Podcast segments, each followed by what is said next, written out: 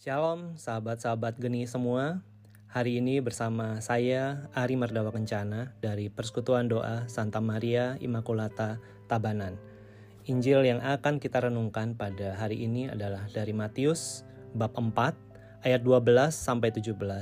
Dilanjutkan dengan 23 sampai 25. Man on a mission. Seseorang yang berada di dalam sebuah misi.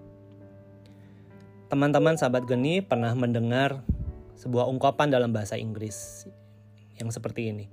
Only dead fish swim follow the stream. Yang artinya hanya ikan mati yang berenang mengikuti arus. Cerita ini adalah sebuah cerita inspiratif dari ikan salmon. Ikan salmon itu lahir di muara sungai, lalu dia akan berenang mengikuti arus menuju ke laut lepas. Dia akan bertumbuh dewasa di sana dan tiba saatnya ketika dia harus bertelur, ketika dia harus berkembang biak, dia tahu itu adalah saatnya untuk pulang. Misinya untuk pulang adalah misi yang berat, bukan misi sembarangan. Karena dia tahu misi itu adalah misi yang berbahaya, tetapi dia akan tetap melakukannya. Pertama, dalam misi untuk pulang itu, dia harus berenang melawan arus sungai.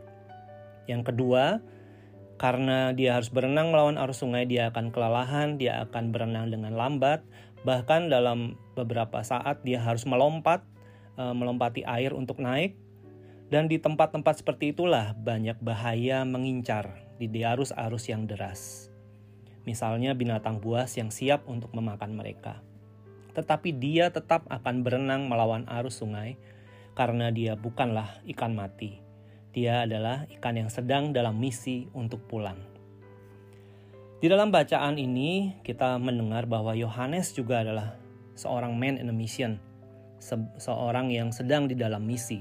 Misi yang kita semua tahu bahwa dia harus mewartakan pertobatan, mewartakan kerajaan Allah sudah dekat, bertobatlah. Karena misinya, dia ditangkap oleh Raja Herodes. Penginjil Matius memberi highlight yang sama bahwa misi Yesus juga sama dengan misi Yohanes Pembaptis sebagai pembuka jalannya. Bertobatlah, kerajaan Allah sudah dekat. Itu yang dikatakan Yesus ketika memulai misinya, sama seperti perkataan dari Santo Yohanes Pembaptis. Yesus tidak gentar dengan ditangkapnya Yohanes. Dia menyingkir ke Galilea justru untuk menggenapi nubuat Yesaya bahwa terang akan terbit dari Galilea. Kita melihat teladan Yesus di dalam kesulitan pun dia akan tetap dengan teguh menjalankan misi yang diberikan oleh Bapaknya.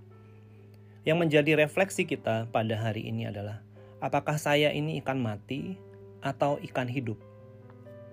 Apakah saya ini adalah man without a mission tanpa sebuah misi yang menjalani saja begitu saja kehidupan saya, atau saya ini adalah seorang man in a mission yang menjalankan sebuah misi terutama sebagai orang-orang Kristiani. Warta sukacita dan pertobatan adalah misi kita, walaupun mungkin saat ini kita sedang dan harus berenang melawan arus pandemi, melawan arus kesulitan ekonomi, melawan berbagai macam kesulitan-kesulitan hidup Yohanes dan Tuhan Yesus sudah memberi teladan yang kokoh pada misi seberat apa pun harus dijalani dengan sungguh-sungguh.